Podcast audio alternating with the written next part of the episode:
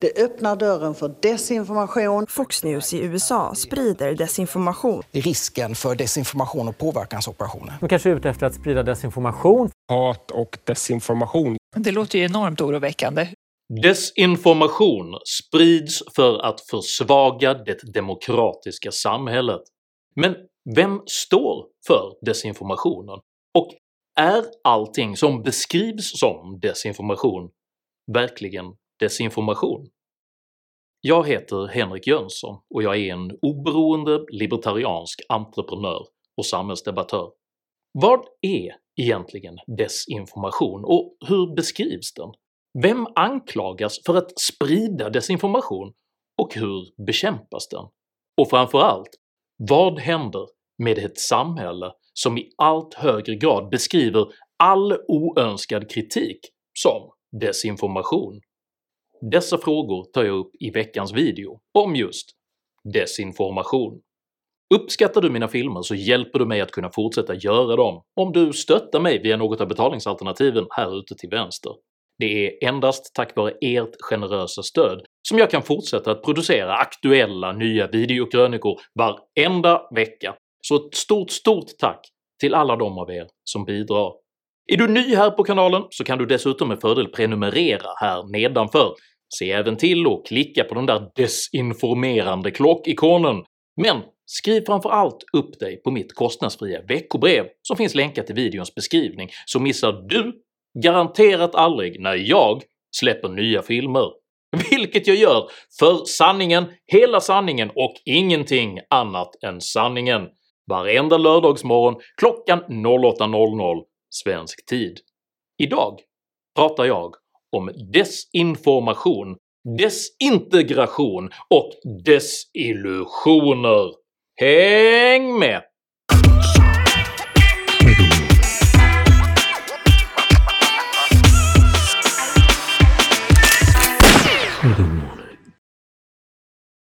Desinformation, osanning och lögner är en av den mänskliga civilisationens äldsta och mest plågsamma maktmetoder.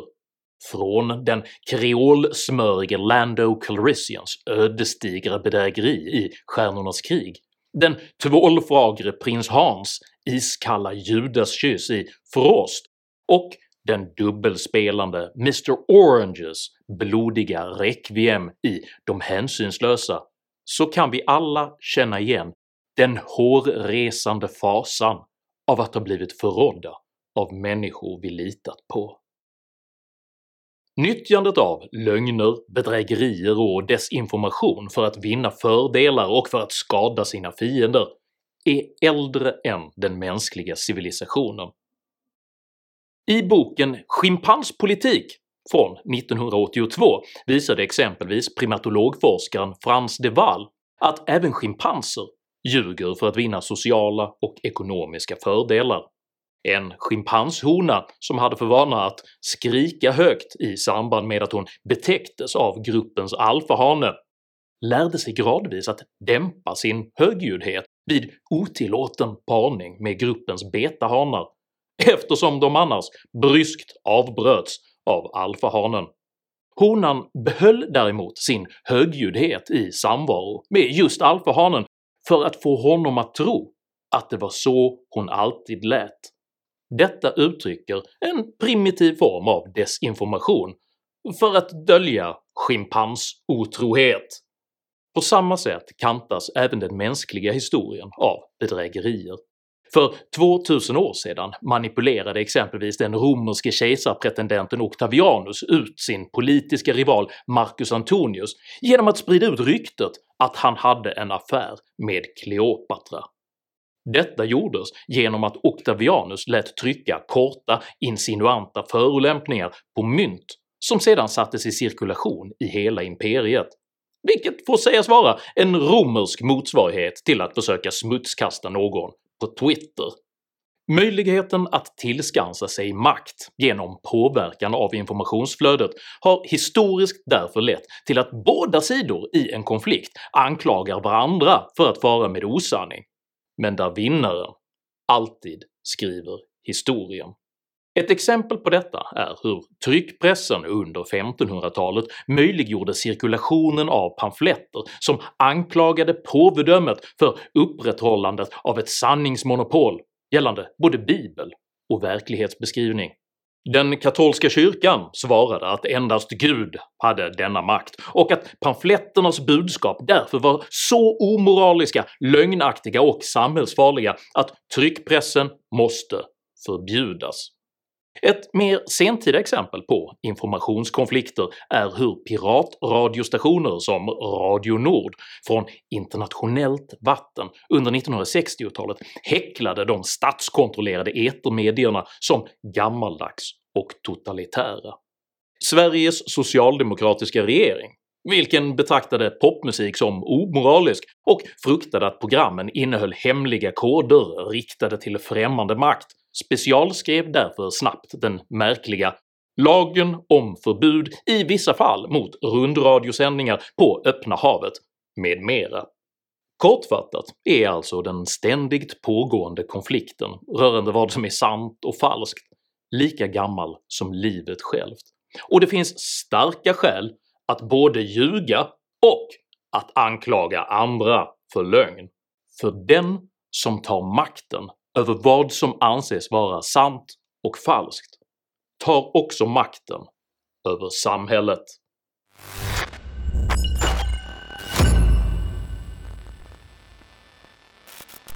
Detta diagram visar antalet sökningar på ordet “desinformation” i Sverige under perioden 2017 till 2022. Den första höjdpunkten sammanfaller med riksdagsvalet 2018 den andra med covid-pandemins utbrott och den sista i samband med kriget i Ukraina, valrörelsen 2022 och Elon Musks förvärv av kommunikationsplattformen Twitter. Trenden är tydlig. Sökandet efter desinformation ökar kraftigt i Sverige. Men är desinformationsmisstankarnas utbredning befogad? Eller avslöjar intresset för desinformation någonting annat? I samband med omfattande bilbränder i Västsverige strax före valet 2018 antydde många att det hela kunde röra sig om en påverkansoperation i samband med valrörelsen. Jag blir förbannad. Vad fan håller ni på med? Vilka tror ni att ni är? Dåvarande statsminister Stefan Löfven lät hälsa nyhetsbyrån TT att det hela “ser nästan ut som en militär operation”. Aftonbladets politiska chefredaktör Anders Lindberg twittrade samtidigt att tidpunkten var märklig, nästan som att syftet var att påverka valet. Den centerpartistiske riksdagsledamoten Johan Hedin fastslog på Facebook att bränderna utgjorde en agenda för att de vill att valet ska handla om bilbränder, för att de vill sprida bilden av ett laglöst Sverige i upplösning. Säkerhetspolisen dementerade däremot samtliga av dessa misstankar med orden “Just nu ser Säkerhetspolisen inte någon omfattande påverkansoperation som främmande makt kunnat antas ligga bakom”. Under ungefär samma period lanserade Sveriges Television, Svenska Dagbladet, Dagens Nyheter, Sveriges Radio och nättidningen KIT tillsammans den skattefinansierade satsningen Faktiskt.se, vilken hade som ambition att avslöja spridningen av konstruerade och påhittade nyheter. Projektet var från början till slut en halsstarrig uppvisning i hybris och blev mycket snabbt ett generande fiasko. Det är nämligen svårt att objektivt separera sanningen från valet av perspektiv, utgångspunkter och vinklar.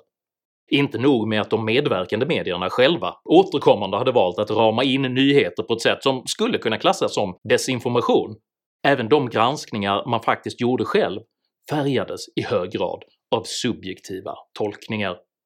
Granskningen av regeringens påstående att det tillkommit 100 000 nya jobb i välfärden fick exempelvis, efter en mycket långdragen sifferexercis, betyget “helt sant”. Det här är Sveriges Radios Faktakoll. Den 16 april skrev regeringen på sin hemsida att idag arbetar över 100 000 fler i välfärden än när regeringen tillträdde. Hur ligger det faktiskt till?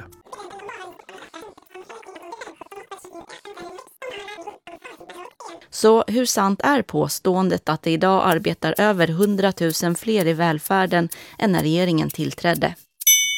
Det är faktiskt helt sant. Att Faktiskt.ses faktagranskare här accepterade ett budskap i fasta siffror utan hänsyn till befolkningstillväxten betydde dock att man bara reproducerade regeringens egen propagandaformulering, varpå omfattande kritik riktades mot granskningsinitiativet. Dödsstöten för Faktisk.se kom när Dagens Nyheter valde att rubriksätta sin nemesis Hanif Bali med betyget “Helt fel” för påståendet att det förekom abnormt höga nivåer i asylprognosen. Detta gjorde man efter att man först hade räknat bort anhöriginvandringen från siffrorna och sedan genom att göra en högst personlig tolkning av begreppet “abnormt”. När kritiken mot Faktiskt.se började torna upp sig även från etablerade journalister pensionerades projektet slutgiltigt vid årsskiftet 2018. Men ambitionen att definiera vad som är sant och falskt kvarstår.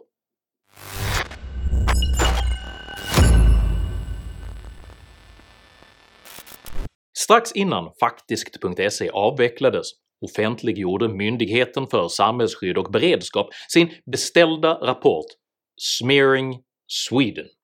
Rapportens syfte var att utröna om Sveriges besvärande otydliga valresultat hade påverkats av fientlig yttre makt genom desinformation och påverkanskampanjer, vilket rapporten entydigt visade inte vara fallet alls.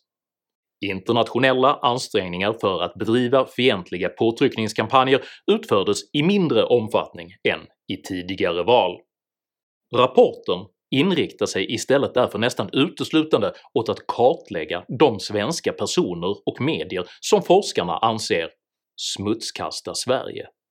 Att forskare i en skattefinansierad rapport pekade ut enskilda svenska individer och aktörer för att de ansågs bidra till en negativ bild av Sverige kritiserades med rätta mycket, mycket hårt, för bör en myndighet som arbetar mot yttre informationspåverkan verkligen recensera inhemska svenska medier, oavsett vad forskarna själva tycker om dem. MSBs dåvarande operativa chef Mikael Tofesson la uteslutande skulden på rapportförfattarna. Vi gjorde väldigt tydligt att det var just främmande makts påverkan som vi var intresserade av. Efter valet var rapportförfattarnas och MSBs slutsatser de samma att Sverige inte hade utsatts för några påverkansoperationer. Rapportförfattarna hade då inte så mycket att skriva i sin rapport, då tog de ett eget initiativ. Vad de såg istället var att i den miljö där de tidigare hittat just ryska påverkansaktörer, den arenan hade helt och hållet tagits över av inrikes aktörer. Det skrev de i sin rapport. Vad de skrev om alternativmedierna måste stå för rapportförfattarna. Den 1 januari 2022 inrättas så Myndigheten för psykologiskt försvar, vars uppgift är att bekämpa just påverkansoperationer och att lära svenska medborgare att inte sprida falska nyheter. Att vi nu har en myndighet med det här uppdraget har bidragit till att öka Sveriges förmåga men det viktigaste verktyget för att förebygga desinformation och påverkan är att skapa medvetenhet hos allmänheten, hos befolkningen. Att vara källkritisk, kritisk, att fundera en gång extra på vad man själv delar vidare, till exempel på sociala medier. Att, och det är någonting som vi alla behöver tänka på och kanske särskilt nu. Justitieminister Morgan Johansson tilldelade den 24 mars Myndigheten för psykologiskt försvar 10 miljoner kronor i stöd för riktade informationsinsatser mot allmänheten. För att stärka allmänhetens förmåga att stå emot påverkanskampanjer och desinformation så avser regeringen därför att i vårändringsbudgeten föreslå att Myndigheten för psykologiskt försvar tilldelas 10 miljoner kronor för att genomföra informationsinsatser riktade till allmänheten.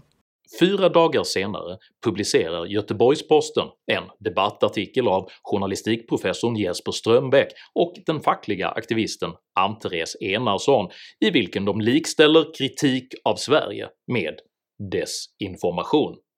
Artikelförfattarna underbygger sitt påstående genom att referera till en ny rapport som jämför hur väl länder lyckas på olika områden i vilken det framgår att Sverige i nästan alla avseenden rankas som ett av världens främsta länder. Man fastslår Studien visar att Sverige regelmässigt rankas som ett av världens absolut främsta länder. Mot den här bakgrunden bör det ses som desinformation att försöka framställa Sverige som ett förstört land eller ett land i förfall.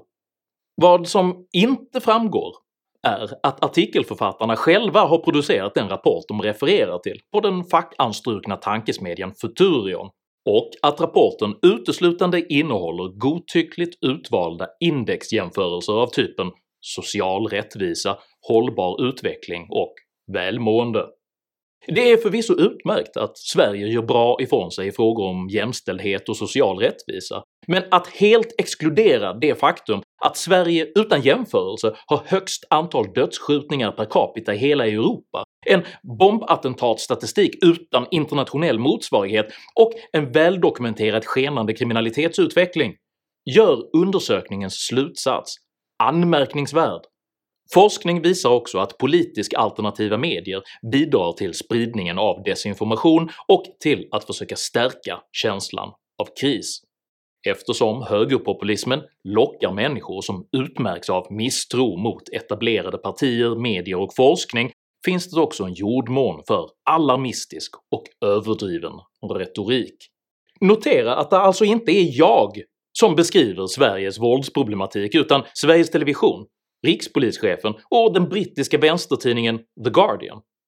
Bör även dessa aktörer betraktas som desinformatörer med en alarmistisk och överdriven retorik?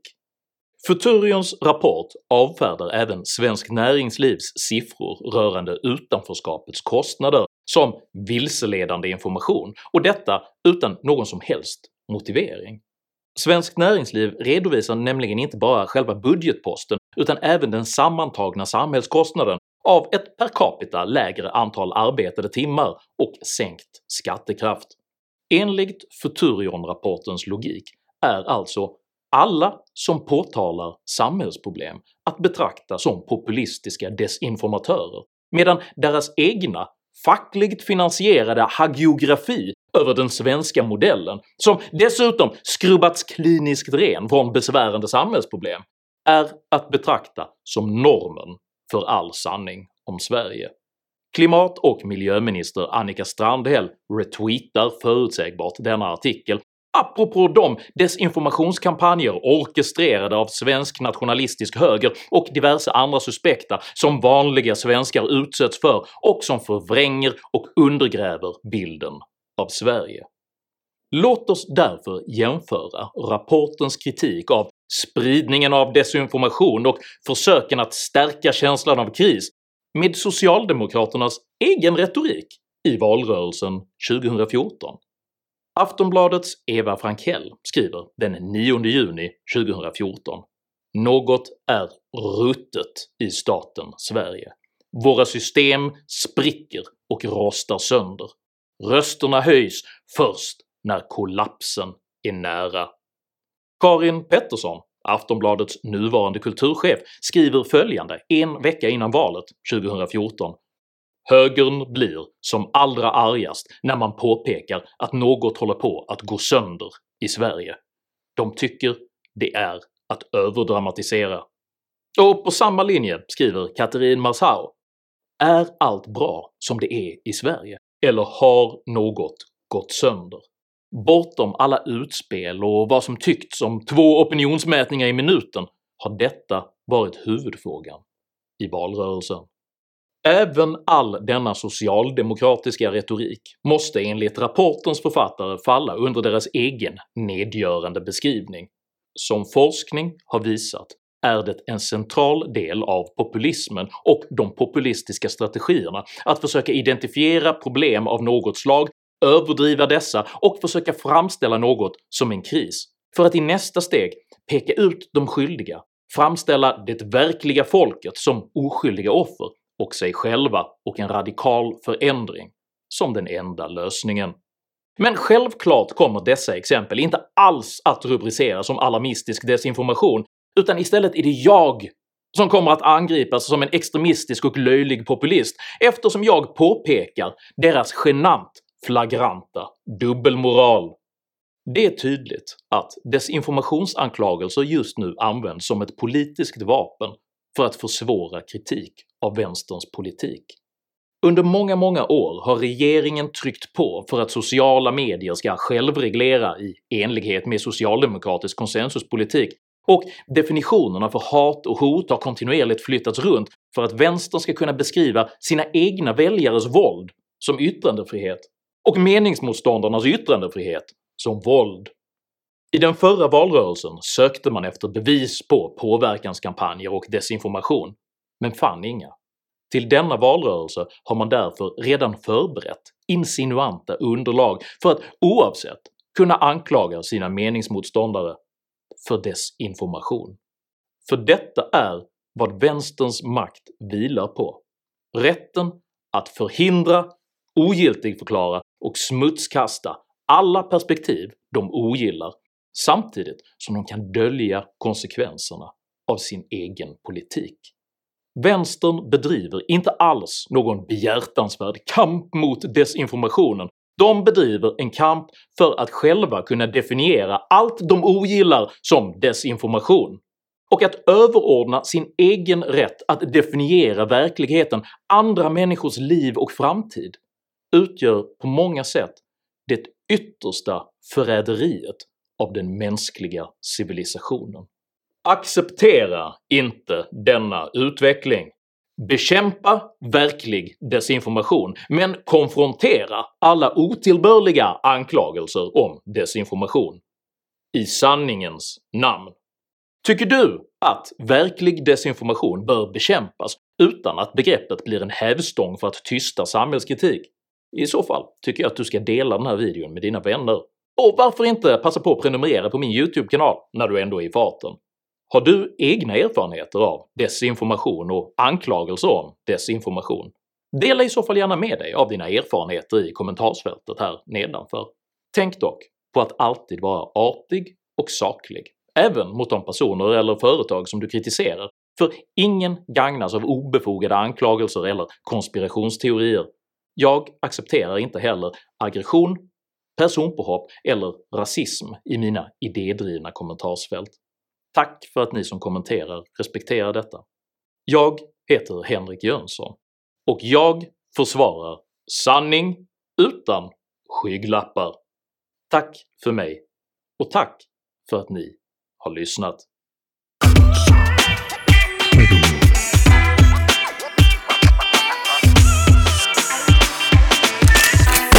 Mm.